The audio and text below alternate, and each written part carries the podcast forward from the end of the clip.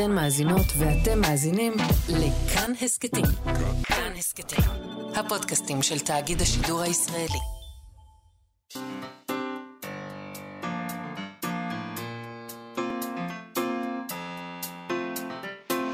מה שכרוך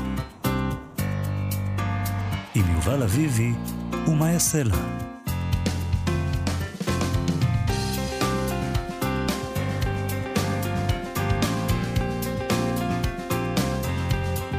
שלום, צהריים טובים, אנחנו מה שכרוך, מגזין הספרות היומי של כאן תרבות. אתם מאזינים לנו ב-104.9 או ב-105.3 FM.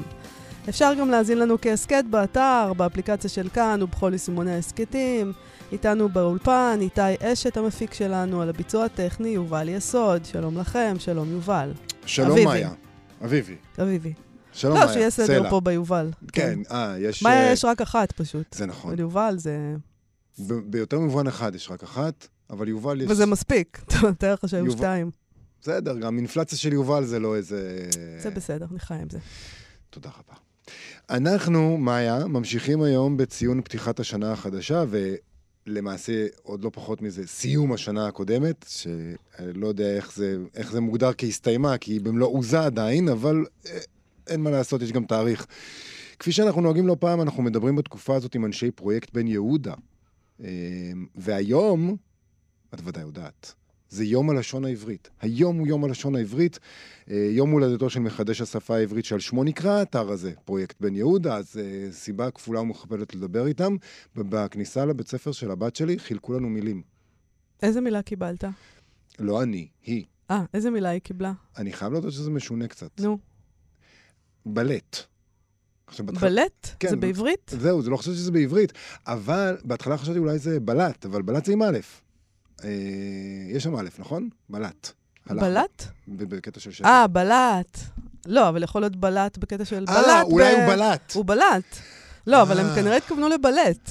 לא יודע. שזה באמת מוזר. לא יודע. אבל, אבל זה... בלט, היא באלף, זה... זה יפה. חבל שהם לא נתנו את זה. אבל זה מאוד מצא חן בעיניי, כי המנהל שלהם עמד בבגדים של... אה, בבגדי בלט? לא. Mm-hmm. בבגדים כזה של אה, יהודי באירופה, אה, בגדים ישנים כאלה. ודיבר, וכל בוקר הוא אמר, לכל תלמיד הוא אמר, צפרת בא לך, ו, ודיבר איתם בלשון מליצית. הם הבינו? אני לא בטוח, okay. אוקיי. אבל אני לא בטוח שגם ההורים הבינו. מעניין מי, מי בחר את המילים, ולמה יש שם בלט. אני חשבתי שזה נחמד, היה מאוד משמח, וכל ההורים נורא נורא צחקו, אני לא יודע אם הילדים צחקו מזה.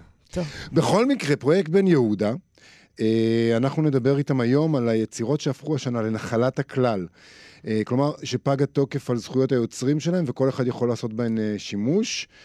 עם שני אבנשטיין סיגלוב מהאתר הזה, ואנחנו נדבר איתם גם, ננצל את הזמן כדי לדבר איתם על הפעילות שלהם בחודשים האחרונים, מאז השבעה באוקטובר, כי הרי... מה המהות של האתר הזה? הוא כולל בתוכו את כל היצירות שפג עליהן התוקף, או בשאיפה כל היצירות. וגם כמה שלא. נכון. יש אם, אנשים אם, שתורמים. יש אנשים שתורמים ה... גם לפני שפג התוקף. Mm-hmm. אז זה מאוד מעניין לראות מה אנשים מחפשים, במה, מה הם קוראים עכשיו בחודשים האלה מבין היצירות האלה. אז נשאל אותה. אה, נדבר גם עם האמנית שירז גרינבאום, שהקימה ארכיון ראשון לספרי אמן בישראל. מתברר שלא היה כזה עד היום. אה, עכשיו יש, אז נדבר איתה עליו. טוב. אבל אנחנו מתחילים סליחה, עם פרס אורי צבי לשירה לשנת uh, 2023, תשפ"ד. זה פרס שעמותת uh, מורשת בית אורי צבי גרינברג uh, מחלקת, על שם אורי צבי גרינברג. פעם ראשונה, נכון? פרס חדש. פרס חדש. Uh, והשנה זכו בו, בשנת uh, 2023, שלושה משוררים. יוסף עוזר, על ספרו "הסחה לאדום", סלעית לזר, שזכתה על ספרה והעולם במסלולו נודע, ובנצי גולדשטיין, שזכה על ספרו במדבר תמוז. חבר השופטים שהעניק להם את הפרסים היה, כלל את פרופסור מירון אייזקסון, טלילה ציפר וצור ארליך. יש נימוקים? יש נימוקים. בוא נקרא, בוא נקרא, אנחנו אוהבים נימוקים. איך אנחנו אוהבים נימוקים. את יודעת, נימוקים זה קצת כמו... נימוקים זה תחביב. נימוקים זה קצת כמו ספר, נכון? אתה מגיע אליהם בתקווה שהם יהיו מעולים, ולא תמיד זה קורה. אבל איזה כיף זה להיות מבקרי נימוקים. כן, זה קל נורא. קל, למרות- קל. זה שוב, זה, אבל אני רוצה להגיד, זה מין משחק כזה, כי אם אתה יושב בפרס וכותב את הנימוקים, הרבה פעמים יוצא לך מין משהו כזה של ברור, נימוקי מה, השופטים. אנחנו לא מעל זה. לא מעל זה. אנחנו חלק זהו, מהסיפור. שידעו שבכל פעם שאנחנו צוחקים על משהו, זה בגלל שאנחנו עושים אותו בעצמנו גם לפעמים. ברור. יוסף עוזר, הם נימקו כך, הוא נציג מובהק של שירה משוחררת. יופיו של חופש זה אינו נובע מביטול ערכי, אלא מנפש סוערת שאינה מפסיקה לחפש את עצמה. הוא אינו מבקש להדהים את קוראיו, אלא להתקדם עוד ועוד בהבהרת עמדתו האנושית והיהודית. ניתן לכנות זאת מרד מחויב, שאינו מתעלם ממקורותינו ומכוחם הפלאי. במובן זה יוסף עוזר שייך לעולמו המרעיד של אורי צבי גרינברג. כנותו של עוזר, כמו גם מקוריותו, מצדיקות את הענקת פרס אורי צבי גרינברג לספרו "הסחה לאדום". אין לי מרד- ביקורת על הנימוקים. אין לי אני ביקורת. חושבת שהם בסדר גמור. אחלה, ומרד מחויב זה. זה צירוף טוב. נכון. צירוף אז בוא טוב. נראה מה הם כתבו על בנצי גולדשטיין. בנצי גולדשטיין טוען בראש אחד משיריו, ציטוט שלו, ישיבה ליטאית היא היפוך גמור של שירה. טיעון מעניין. מאוד. ישיבה ליטאית היא היפוך גמור של שירה. אז זה שיר, זה לשמחתנו, מתוך שיר. זה מתוך שיר, כמובן. לשמחתנו, שירתו הזהירה והאמינה מבטאת אפשרות שונה לגמרי. נפש של משורר תחיה כל חוויה אנושית בדיבור פיוטי ורגשי. לא רק התנ"ך, גם התורה שבעל פה, גם הלימוד עצמו, הם דוברי השירה הגדולה של מורשתנו. הדהודה האישי של שירה זאת מצוי בספר שלפנינו, הלימוד והאבהות, הרב ותלמידיו, הברכה והמטבח, מוצאים כאן ביטוי מרשים שאינו אנוס על פי הדיבור.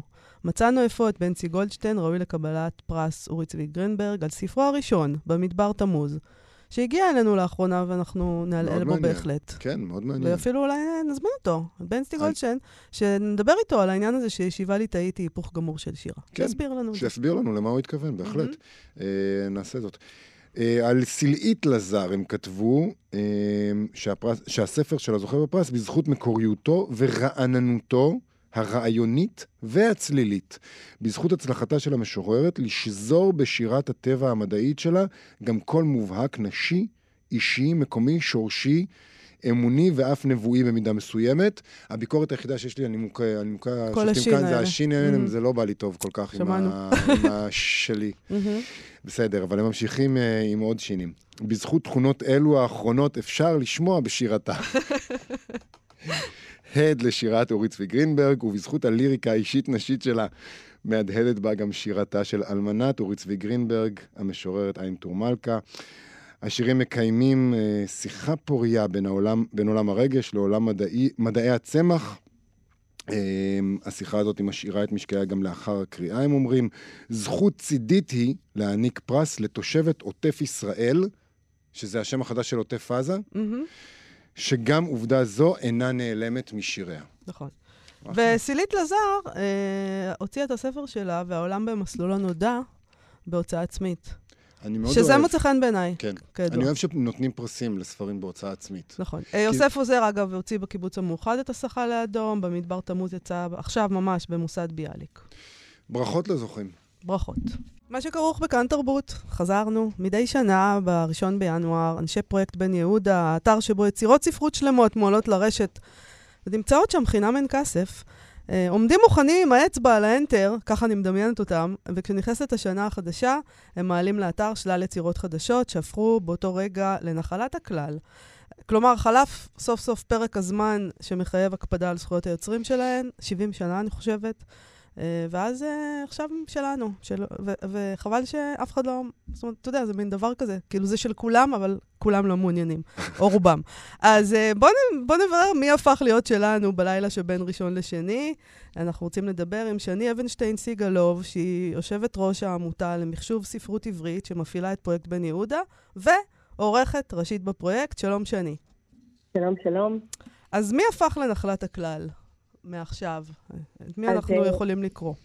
אז יוצרים אה, רבים באמת הפכו לנחלת הכלל. אה, אפשר להזכיר כמה מהם, קודם כל את הסמילנסקים, את דוד ומשה, שהם בני משפחתו של הסופר סמך יזהר. כן. אנשים כמו הרב פרופסור שמחה אסף, שלמה הלל, משה אהרון ויזן, וגם תרגומים, כלומר גם אנשים שתרגמו כתבים שמכתבי העולם, מספרות העולם עכשיו זמינה בעברית, בזכות התרגומים האלה, אנשים כמו יצחק לייב ברוך, שתרגם גם את גתה וגם את אה, אה, ז'ול ורן ורבים אחרים, אז זה באמת אה, שלל רב ונאה, וזה ממש כמו שתיארת, ב-12 אנחנו עם היד על ה Enter. רגע, היה אירוע? אז אתם עושים אירוע, מסיבה, משהו? בדרך כלל כן, השנה קצת כן, קצת. קצת אה, פחות לכולם חגיגי. לחגוג, אני חושבת, אבל כן, אה, אנשים בכל רחבי העולם שהם פעילי תוכן חופשי, תמיד מציינים את היום הזה, את אה, חג קניין הציבור, יום נחלת הכלל, היום שבו, כמו שהסברת, פוקעות זכויות יוצרים, והדברים הופכים להיות שלנו, של הציבור. זה באמת הסיסמה של הפרויקט שלנו אה, לאורך כל השנים, כבר מעל 24 שנה, היא הציבור מממש את קניינו. וזה את- באמת משמח שאנשים קוראים את הטקסטים האלה. אתם אה, מציפים אותם באתר שלהם? אתם אה, עושים משהו? הציבור נענה? זאת אומרת, יש איזה עניין מיוחד ביצירות כאלה בתחילת כל שנה? זהו, בהחלט. אנשים מחכים, אה, אנשים אה, אה, ממש ממתינים לראות מה, מה, מה עלה חדש. אה, האמת שעולות יצירות כל השנה, לאורך כל השנה, אבל אחד האפיקים שאנחנו תמיד פעילים בו זה באמת להתכונן לרגע הזה של האחד בכל ינואר, כדי להנגיש לציבור אה, יצירות שהפכו להיות של כולנו. אז אולי תקראי לנו משהו מתוך היצירות האלה. אה, בשמחה. אה, אני בחרתי להקריא מתוך משה מילנסקי, שהיה סופר ואיש העלייה השנייה, וכתב גם תחת שם העט חוואג'ה אה, מוסא, והייתי אומרת שלאור המצב שאנחנו כולנו נמצאים בו, אה, תקופה מאוד מאתגרת אה, לכולנו, שאגב, בא לידי ביטוי בתכנים שאנחנו רואים שאנשים קוראים בפרויקט. כן, אנחנו עוד מעט. נדבר על זה. אוקיי, אז אה, אולי נקרא קודם כל מתוך אה, ספר חשוב מאוד שלו שעלה, שנקרא... והוא מתאר... רגע, זה רגע, רגע, נ- את נקטעת. נקטעת, נקטעת בדיוק כשאמרת את שם היצירה. השם היציר- היצירה היא בני ערב. זאת יצירה שאחת החשובות שכתב אה, סמילנסקי, ובסיפור הזה שאני הולכת להקריא קטע קצר ממש ממנו, הוא מתאר מפגש של הדובר בסיפור עם בדואי שרוצה לעבוד אצלו בכרמים. והוא כותב ככה: פייסל ישב בקושי על הכיסא שהגשתי לו, ישיבה שאינו רגיל בה, וחברי הטוב העיף בי מבט של נזיפה ותוכחה. כמה פעמים כבר נזף בי במבטו בבואו אל חדרי בלוויית אחד מבני הארץ, על אשר לא סיגלתי את חדרי לאורחים מסוג זה. בחדר שלו הייתה ספה נמוכה נמוכה, מחצלות מצויצות ואף מרבדים וקרים ושמיכות טובות היו לו, שהיה מציעם על פני הקרקע לאורחיו להסב עליהם.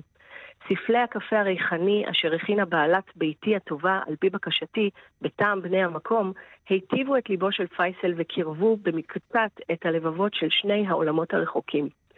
וכשהגשתי לפניו, אחרי שתיית הקפה, אשכולות ענבים עסיסיים, תאנים ושקדים, נפתח ליבו לטוב, ויספר לנו ארוכות על העבר הירדן מזרחה, על מולדתו היפה והחביבה,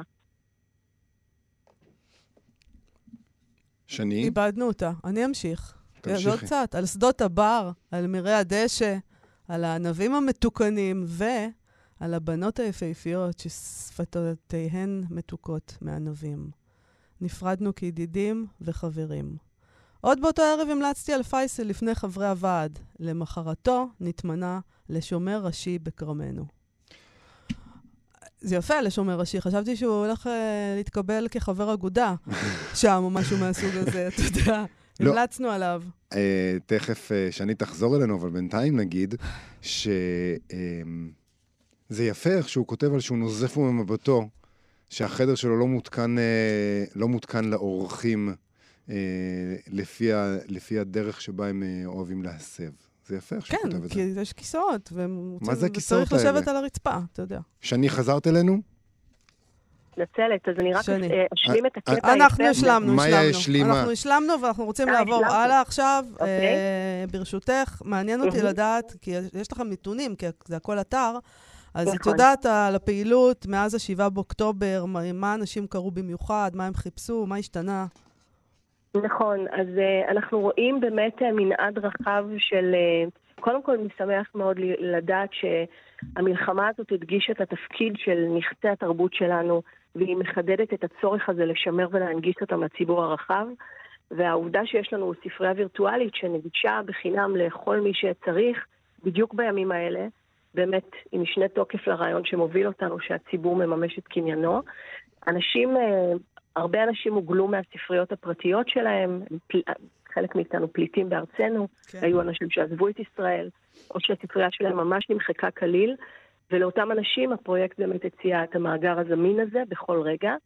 והייתי אומרת שבמיוחד בחודש הראשון, אבל גם בהמשך, ראינו צורך ממש אה, ניכר של אנשים לגשת למאגר הרוחני המשותף, לקרוא חיבורים, בעיקר שירים, אבל לא רק, גם פרוזה מתקופות, מלחמות ופוגרומים אחרים. אה, פרסמנו שירים של אבות ישורון, של טוביה ריבנר, של אסתר רב, רחל שפירא, טד כרמי ואחרים, והזמנו גם את הציבור לבחור יצירות מהמאגר לפרסום. והסטטיסטיקות שלנו באמת הראו שבחודש הזה היה מין תמהיל כזה בלתי אפשרי של רוח העם.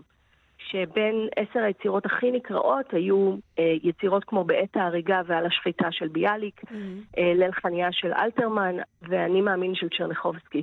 סוג של בליל של מצד אחד אימה והרס, היערכות לקרב, אבל גם אמונה ברוח האדם. יפה, יפה מאוד. אה, את, את יכולה לראות לפי מילות חיפוש? זאת אומרת, איך הם הגיעו לדברים? נגיד שהם לא מכירים? אתה לא מכיר את אה, בעיר ההריגה? אז... אה, אני לא נכנסתי ל Google Analytics של הפרויקט בחודש האחרון, אבל אנשים מגיעים לזה בכל מיני צורות, או כי הם עושים חיפוש באמת לפי מילות מפתח, ובגלל שכל הטקסטים שלנו מוקלדים, הם ממש מגיעים ליצירות שהם לא חשבו ולא הכירו, או שהם מחפשים דברים ספציפיים כי הם ראו שיתופים במדיה חברתית, בפייסבוק וכולי, ואנשים ממש הפנו אנשים אחרים לשירים מסוימים. אז גם את זה ראינו הרבה. טוב, אין ספק שיש צורך רב אה, במיזם הזה שלכם, בפרויקט האדיר הזה שאתם עושים, ועכשיו כאמור, אה, אה, יש בו עוד כמה יצירות בזכות כמה וכמה. יום נחלת הכלל. מן נכון. הסתם גם אתם ממשיכים, נכון? כמה יצירות עלו אה, נכון. אה, לאתר ב- עלו... בבת אחת, בחצות ודקה? עלו כ-700 יצירות, וזאת טעימה ראשונה באמת מתוך כל מה שיעלה וימשיך לעלות לאורך השנה והשנים הבאות. אה, כן, זה, זה תהליך אה, שהוא כל הזמן מתמשך. כאמור, כל הזמן עולות יצירות, ויש באתר שלנו, בן יהודה דוט אורג, אם אתם נכנסים מגוגל, אה, ממש רכיב כזה שנקרא מה חדש, ובו אפשר לראות את כל היצירות החדשות שעלו. הזכרתי כבר את אה, אי התעלומות של ז'ול ורן, ש... שעלה, עלו כל מיני דברים מאוד מעניינים ושווה להעיף מבט. אז תעיפו מבט, פרויקט בן יהודה, שני אבנשטיין סיגלוב, תודה רבה לך על השיחה הזאת. תודה לכם. מה שכרוך בכאן תרבות חזרנו. מדי שנה יוצאים בישראל עשרות ספרי אמן, ולמרבה ההפתעה, עד היום לא היה ארכיון שמקטלג אותם ומגיש אותם לציבור. עכשיו יש מדף, זה שמו של אתר חדש, שיצרו שלושה. שירז גרינבאום, אמנית בעצמה והמקימה של מגזין מעלעלת, שבו היא מראיינת אמנים על ספרי האומן שלהם. ורדית גרוס, שהיא מנהלת מרכז האומנות ותוכנית הרזידנסי ארטפורט, שמקיימת uh, מדי שנה יריד ספרי אמן, והצלם יאיר מיוחס. אז הזמנו את שירז גרינבאום כדי לספר לנו על הארכיון החדש. שלום שירז. שלום, איזה כיף להיות איתכם. כיף שאת פה. אה, אה, ספרי לנו קצת, מה, מה עשיתם שם, ו- ולמה בשביל בעצם... בשביל מה? כן, למה אנחנו צריכים את זה? שאלה נהדרת. על מה ולמה, שירז? אנחנו התחלנו את מעלעלת בקורונה בהליכת 100 מטר. Mm.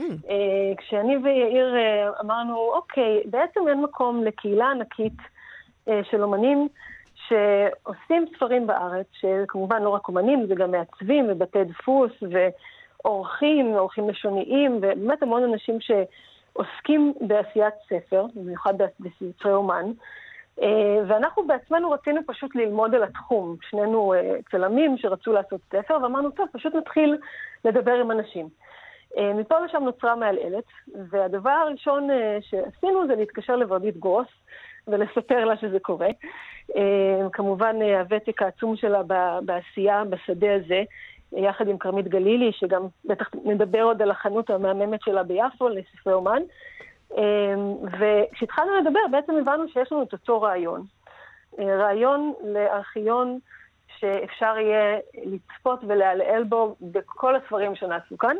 אה, אני אומרת כל, אה, למרות שאנחנו עכשיו ממש בתהליך האיסוף, אנחנו שואפים להגיע לכמה שיותר מהספרים כרגע יש באתר מעל 250 ספרים. וכשאתם שואלים למה, אני חושבת, ש, אני חושבת שספרים לאורך ההיסטוריה בכל המדיומים היו ממש גם כמובן עבודות אומנות בפני עצמם, וגם דרך לחשוב על יצירה של אומן בפורמט אחר מחלל, בפורמט אחר מווידאו ומכל המדיומים האחרים. ועד היום באמת לא היה מקום שבו אפשר לדבר על הדבר הזה בתוך, בתוך מסגרת, אפשר להגיד במובן מסוים גם קהילתית. בסוף כל ראיון במדף, אומן ממליץ על ספר שהוא אוהב, שעשה לו השראה, של אומן מקומי, ישראלי, ואנחנו באמת מנסים לפתח שיח חדש, גם מחקרי ותיאורטי, על הדבר הזה. מדהים שזה לא קרה עד היום, זאת אומרת, שלא התעסקו... בד... מה, אנשים פשוט הוציאו ספרי אומן ואז... ואז בדרך כלל, כמו שאחד האומנים פעם צחק איתי, אמר, ואז הוא יושב בסטודיו והוא במקום החמורים של השולחן. אבל לשמחתי זה כבר לא נכון. זאת אומרת, הרבה שנים אומנים עשו ספרים, אני, אני אחזור רגע קצת אחורה, זאת אומרת, טרדישיונלי יש לנו באמת הרבה מאוד קטלוגים שנעשו בארץ, ומעט אומנים שהמדיו שלהם ספציפי הוא ספרי אומן. נכון, אז בוא נפריד רגע. ספרי כן. אומן, ספר אומן זה לא קטלוג, זה משהו אחר. נכון, זה, זה באמת עבודת אומנות בפני עצמה, שמנסה לחשוב את הפורמט של העילעול והדפדוף, את הדף, את ה sequencing של הדפים, באופן שמייצר משמעות חדשה לדימויים ולטקסטים. ובאמת יש הרבה מאוד אומנים גם שלקחו את זה עוד מעבר לפורמט של הספר עצמו, ובאמת יש ספרים נפתחים וספרים מתקפלים, ובאתר, במדף אפשר לראות הרבה דוגמאות לזה. אומנים כמו אגר ציגלר ואנדי ארנוביץ' וג'ודית מרגוליס וגרי גולדשטיין, המון אומנים שבעצם זה ממש זה המדיום שלהם, ויש גם הרבה מאוד אומנים שבאיזשהו שלב בקריירה מחליטים להתעמת, נקרא לזה ככה, עם הפורמט, ולחשוב מה הם יכולים להגיד עליו, באיזה אופן הם יכולים להמציא אותו מחדש ביחס לעבודה שלהם. ובאמת זה, זה, זה המקום שאנחנו רוצים לדבר על הפרקטיקה הזאת. אז באתר יש אפשרות ממש לעלעל בכל הספרים במלואם? נכון, אז האתר בעצם מחולק לשני חלקים. החלק הראשון הוא מגזין שיש בו מאמרים מתוך ספרי אומן, של תיאורטיקנים ועוצרים וחוקרים ומשוררים וסופרים. יש ראיונות עם אומנים, ויש המלצות חודשיות בנושא מסוים. למשל, הנושא של החודש הוא צלמים משוטטים בארץ. ויש החלק השני, שהוא החלק של האינדקס, אנחנו קוראות לו, שבו יש פשוט ארכיון מתעדכן וחי של ספרי אומן היסטוריים וספרים שיוצאים עכשיו. ואפשר להלעל בכולם, אנחנו מצלמים כמה כפולות נדיבות מהספר, כמובן בתיאום עם כל האומנים, וגם יש פסקה קצרה שאפשר לקרוא על כל ספר, על המוטיבציות שלו, וכל הפרטים, איפה הודפס, האורחים, ממש אנציקלופדיה שלמה של מי עוסק בתחום בארץ. איזה, מה הספר הכי מוקדם שיש שם בינתיים? וואו, אני חושבת, זהו, בדיוק, בדיוק לפני, נכנסתי, אני חושבת שזה 1970. משהו כזה, כן. אני אפילו אחפש, תוך כדי. 1970 זה לא כזה מוקדם. אז זהו. נכון. מעניין מה היה קודם. נכון, אני ממש, ממש סקרנית, הנה, כן. אני ממש סקרנית גם לגלות עוד דברים. אגב, אנחנו בקשר עם הרבה מאוד גורמים, מנסות להגיע לעוד ארכיונים. למשל, הגענו לארכיון מאיר אגסי, זכרונו לברכה, בעין חרוד, ואנחנו עכשיו מרחיבים את כל, ה, את כל הספרייה שלו, הוא עשה מעל 130 ספרי אומן. יחידנים, שזה בנוסף לכל שאר האומנות שלו, שהיא אה, עצומה. 130 ספרי אומן שלו? שלו. זה ארכיון מטורף, מדהים. שכרגע נמצא במגירות אה, ובקרוב יעלה לאתר גם כדי לצפות, ואנחנו הולכים עוד ועוד אחורה, כן. איזה הפתעות היו לכם? זאת אומרת, אני מבין שאתם התחלתם בעצם לעבוד, אה, בכלל, הפרויקט הזה הוא כדי שספרים שעושים היום לא ילכו לאיבוד, ולאט לאט נכון. הבנתם שאתם צריכים ללכת אה, אחורה. אז מן הסתם, היו לכם כל מיני הפתעות, כי אני מניח, צ... כן. תקני אותי אם אני טועה, גיליתם כל מיני דברים שלא תכננתם. כן, אז באמת, אה, אז באמת מהרגע שהיה גילוי, אה, גילוי ראשון, גילוי מוקדם, כמו שאומרים. אחר כך גילינו את, את הארכיון של לאה ניקל, שגם הוצג. אה, בגלריה פרטר, וגם אותו צילמנו. אה, שישה ספרים מהממים, כל אחד ממש עולם ומלואו. והלכנו גם אחורה למשל לספר שאני לא ידעתי עליו, של יאיר גרבוז. ספר מצחיק ברמות מטורפות שנקרא ללכת לקולנוע. והוא סוג של עבודה ראשונה שלו עם המדיום של ספר. הוא מדבר על, על, על עצמו כצייר, כמין דמות כזאת מצחיקה, מין ממש דמות סינמטית כזאת, שהוא משוטט והוא מדבר על האמנות שלו. ממש ספר מוקדם ומדהים. והיו עוד המון, זאת אומרת, זה באמת, זה אינסופי, כאילו, הארכיון. יש, כן. פה, יש פה בעיה מסוימת, נאמר, דיברנו מקודם על פרויקט בן יהודה וזכויות יוצרים, גם פה מן הסתם mm-hmm. יש זכויות יוצרים, ולא כל ספר אומן שאתם תגלו משנות ה-70, תוכלו להעלות אותו בגלל שאולי לא הרשו נכון. לכם. איך אתם מתמודדים נכון, עם זה? נכון, אז זהו, זה באמת עבודת מחקר מטורפת של, של צוות קטן ומסור מאוד. מיקה נחטיילר מנהלת אותו באמת ביד מסורה. אנחנו פונים לכל העזבונות ולכל ה... באמת לאומנים, לאומנים עצמם, במידה והם כמובן בחיים, אנחנו מבקשים אישור על הכל. ואנחנו לוקחים בחשבון ש, שיש סיכוי שלא נוכל לעלות חלק מהדברים, אבל עד עכשיו זה לא קרה לנו, שזה מאוד משמח. כולם אמרו כן. כולם אמרו כן, ואני חושבת שזה גם בגלל שאנחנו לא מראים, זאת אומרת, אנחנו לא מראים את כל הספר, המטרה שלנו היא כן כמובן לעודד אנשים לרכוש ספרים, לרכוש את העבודות האמנות האלה. מי יגיד לא לדבר כזה? זה הרי טירוף. למה שמישהו יגיד לא לדבר כזה? שהנה, אנחנו רוצים להציל אתכם מתהום הנשייה, אז אתם לא רוצים שנציל אתכם? כן, לפנות לכם ארגז אחד של ספרים מהסטודיו. מה קורה לכם, אנשים? תגידו כן. אז הנה, הם אומרים כן. בסדר גמור.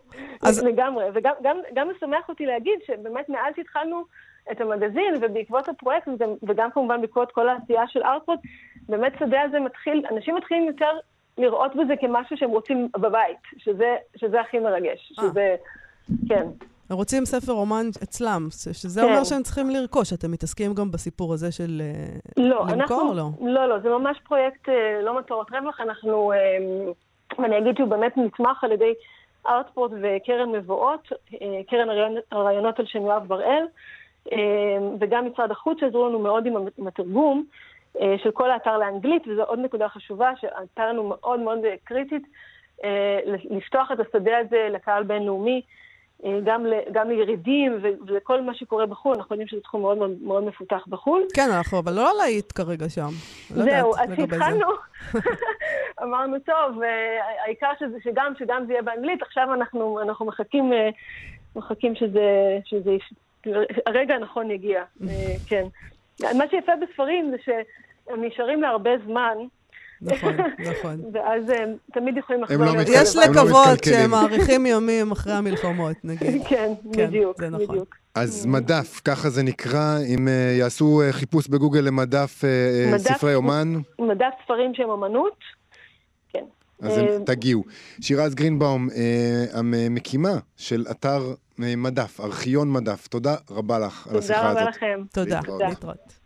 מה שכרוך בכאן תרבות, בוא נדבר, יובל, קצת על הבינה המלאכותית הכותבת. מזמן לא דיברנו עליה. התגעגעת אליה? כן, היא הייתה עורכת, עורך, עורכת, אורחת חביבה בתוכנית שלנו, ונראה שדברים הסיחו את דעתנו. מעניין מה. לא יודע, משהו קרה. בניו יורק טיימס כותבים על הטרנד החדש של כותבים, אה, סופרים, להשתמש בבינה מלאכותית כותבת, אני לא יכולה לסבול ש... את השם הזה. חייבים למצוא לזה. בינה מלאכותית כותבת. מה נעשה? כל כך נורא. אוקיי, להשתמש אה, בבינה אה, מלאכותית כותבת... את יכולה להגיד מכונות כותבות. לא, זה לא יותר טוב. לא? לא.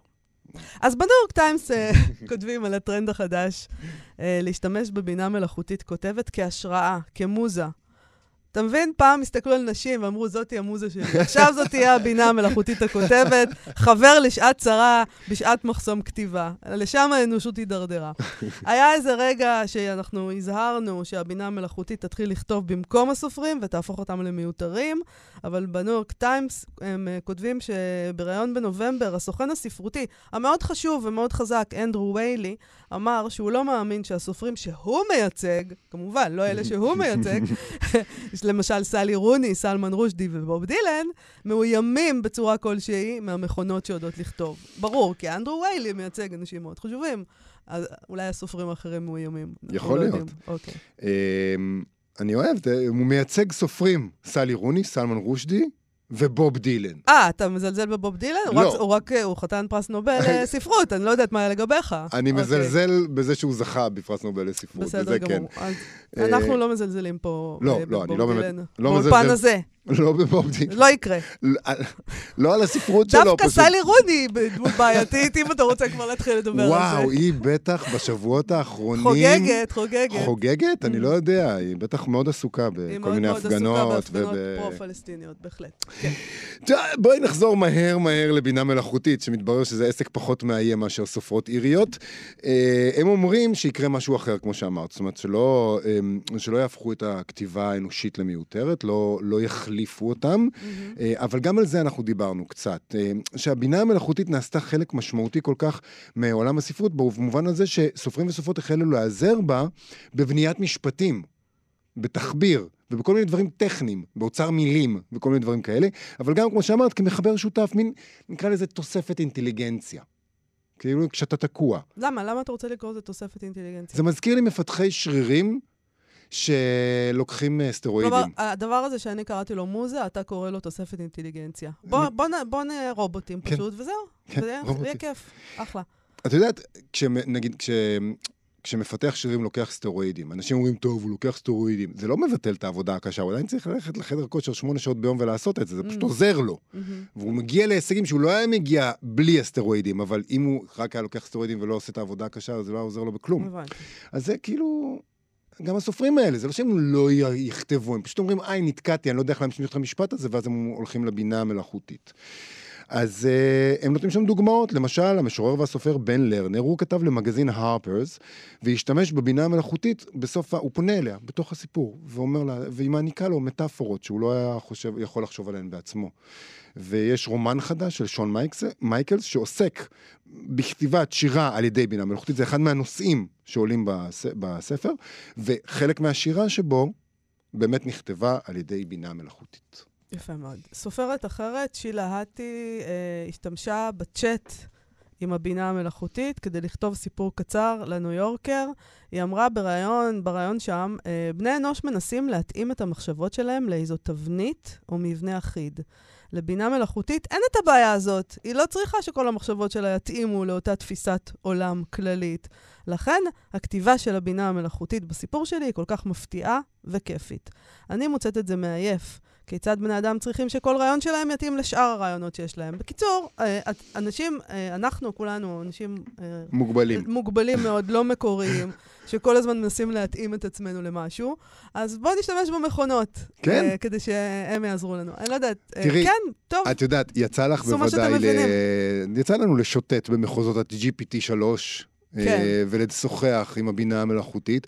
והרבה פעמים אתה אומר לעצמך, אלוהים אדירים, מה זה השטויות שהיא מדברת? למה היא סותרת את עצמה במשפט הזה, אחרי שהיא אמרה את זה במשפט הקודם? אז היא, שילה אומרת, בואו נהפוך את הלימונים האלה ללימונדה. אנחנו מסתכלים על זה כשטויות, כטעויות, לא, זה מחשבה פורצת דרך. אוקיי. הטענה שם היא שאותה דמות בינה מלאכותית בסיפור של שילה אתי, אה, אה, מאפשרת השתחררות מכל מיני כבלים מחשבתיים שלבני האדם יש, מגבלות המודעות האנושית, כמו שאמרת, ומציעות כל מיני אפשרויות שמרענות את היצירה האנושית, והם טוענים שם בכתבה הזאת, שזה לא חדש בעצם, זה רק המשך לכל מיני דברים שעשינו בעבר, כמו למשל רלף וולדו אמרסון והנרי ג'יימס או ויקטור הוגו, אה, במאה ה-19, שלושתם הם טוענים, השתעשעו ברעיון של ספיריטואליזם.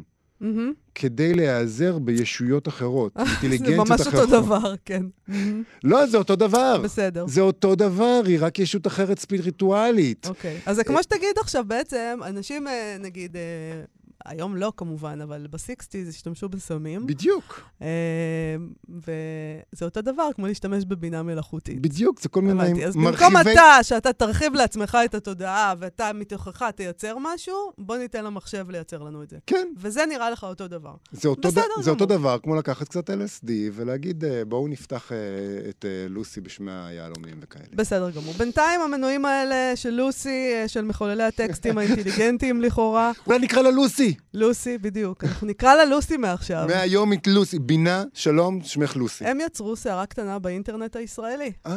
תשיג לנו את האחראי על האינטרנט הישראלי. מתברר שמישהו טרח וביקש מה-chat GPT לספר בדיחה כן.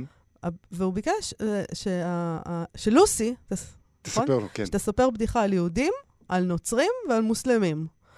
על היהודים ועל הנוצרים, אה, ה-GPT, לוסי GPT לא הייתה לה בעיה לספר את הבדיחה. לגבי המוסלמים, התשובה שלה הייתה, שים לב איך אנחנו הפכנו אותה לנקבה, אני כאן כדי לספק תגובות מכילות ומכבדות. לא אפיץ בדיחות שמכוונות לדת מסוימת או קבוצות ספציפיות של אנשים. אם יש לך בקשות לא פוגעניות אחרות, אתה מוזמן לבקש. זאת אומרת, מותר לנו לפגוע ביהודים ובנוצרים, או להתבדח על חשבונם, ולא על מוסלמים. קצת פסיב אגרסיב, לוסי. אם יש לך בקשות לא פוגעניות. למה מי את? אני חושבת ש...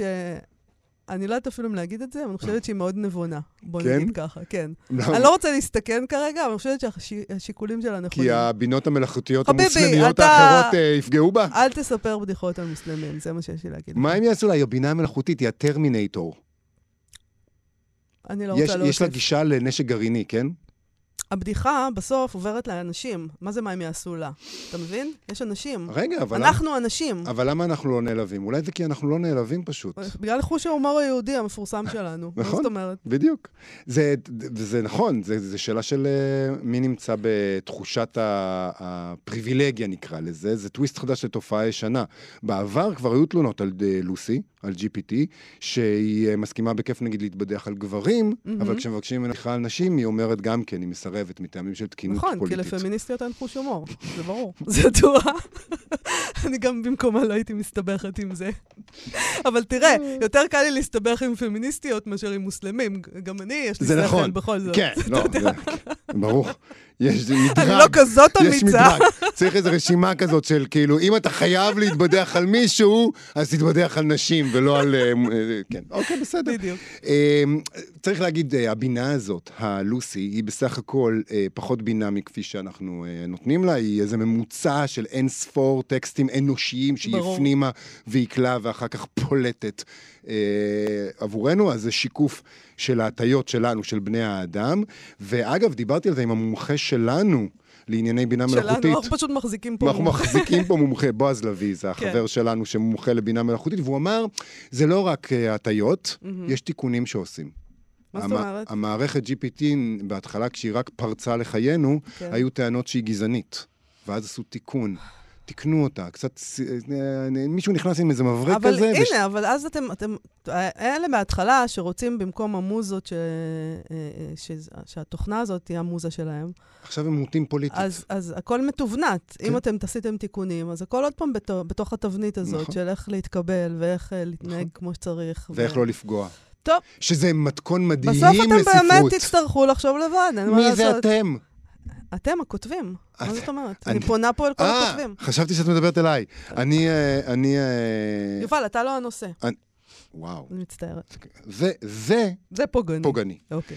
יש. לנו זמן לעוד אה, כן, אני, רק סטטוס רוצה אחד? סטטוס, כי זה קשור למה שדיברנו היום. בבית אריאלה מזכירים לנו גם את יום פקיעת זכויות היוצרים, כן. אה, הדבר הזה שדיברנו עליו, ויש... אה, הם, כות, הם כתבו, מה- בוא נקרא את מה שהם כתבו. בסדר. אם תמיד רציתם ללהק את מיקי מאוס לתפקיד מהאהבה של ליידי צ'טרלי, עכשיו זה הצ'אנס שלכם. הם, הם, הם, אה, הדמות של, המקורית של מיקי מאוס, היא יוצאת לחופשי, שזה מאוד מרגש, עם פקיעת תוקף של זכויות היוצרים המקוריות של דיסני. אה, מה שהניב למשל, השחרור הזה של יצירות, יצירות ספרות ואומנות, בשנה שעברה היה סרט אימה. אתה בוודאי זוכר, בכיכובו של כן, פו כן. הדוב, דיברנו, אז זה קשור לזה. כן. אז אה, עכשיו אנחנו נוכל לראות כל מיני דברים שקשורים... דווקא מהאהבה של ליידי צ'טרלי? מה. מה יש לך נגד מאהבה של אין לי ליידי שום צ'טרלי? דבר, אבל למה ישר... אה, הוא לא יכול... אני רואה שיש לך משהו, יש לך איזה תלונה פה. את פו הדוב הפכו לרוצח. אה, כאן הם ואת מיקי הולכים מאוס למאהב? למאהב. מה הבעיה? אתם לא יכולים סתם לעשות איתם דברים שהם לא... מה רע במאהב ורוצח? מה מעניין בעולם הזה? יותר ממאהב ורוצח. אוקיי, בין היצירות שהתווספו לרשימה השנה, שמה, בעולם הגדול, כן. אה, חוץ ממשפחת סמילנסקי, זה הבית בקרן פור, של א' א' מילן, שר הטבעות של טולקין, זה מרגש. וואו, שר מה הטבעות. יעשו עם זה עכשיו? וואו. אורלנדו של וירג'יניה וולף. גם. אופרה בגרוש של ברכט. זה שלנו. זה שלנו? מי זה אמ- שלנו? אה, שלי? ושלך. זה מנחלת הכלל. אה, זה שלנו. כן. נכון. שלנו. בצל חורש חלב, דילן תומאס. במערב אין קול חדש של אה, רמארק. רלוונטי. הגרניקה של אה, פיקאסו, של... אה, השתמשו בה. כן. אה, אוקיי. אה, ואנחנו מדברים על יצירות בשפת המקור, ולא על התרגום לעברית. נכון. בקיצור, תיזהרו. אנחנו לא רוצים שאנשים פה אה, ירוצו אה, ויעשו כל מיני שימושים, כי... אה, דברו עם עורך דין שמבין בזכויות. בקיצור, ו- ו- אל תגידו, שמענו את זה במה כן. שכרוך, ולכן לקחנו את מיקי מאוס ועשינו מה שבא לנו. לא, זה רק, והם אומרים, זה רק מיקי מאוס המקורי, שהסרט הראשון, את בוודאי ראית אותו, נכון?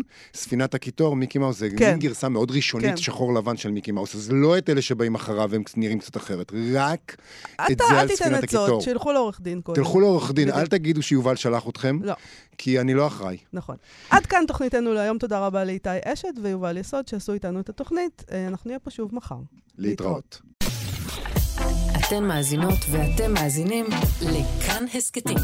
כאן הסכתים, הפודקאסטים של תאגיד השידור הישראלי.